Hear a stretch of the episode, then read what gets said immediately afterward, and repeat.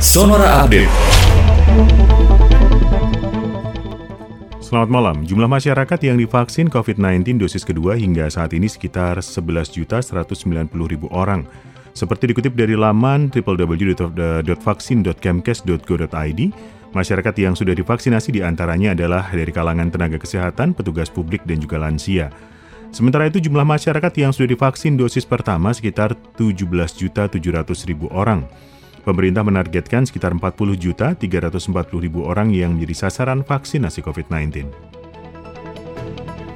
Terdakwa kasus dugaan korupsi terkait pengadaan paket bantuan sosial COVID-19 Matius Joko Santoso mengaku realisasi fee dari vendor pada periode pertama April hingga Juni 2020 yang lalu sebesar 19,1 miliar rupiah.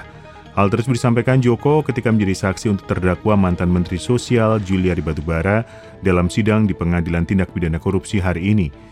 Dari keseluruhan fee tersebut, Joko mengaku telah menyetorkan 11,2 miliar rupiah kepada Juliari.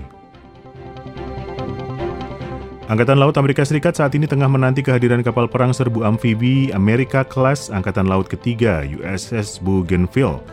Seorang pejabat industri pembuat kapal militer terbesar di Amerika, Huntington Ingalls, mengatakan kapal yang diklaim paling mematikan di kelasnya itu masih dalam proses pengembangan dan rencananya diserah terimakan pada 2024 mendatang.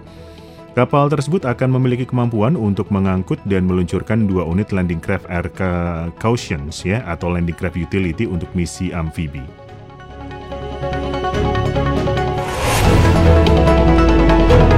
Demikian Sonora Update.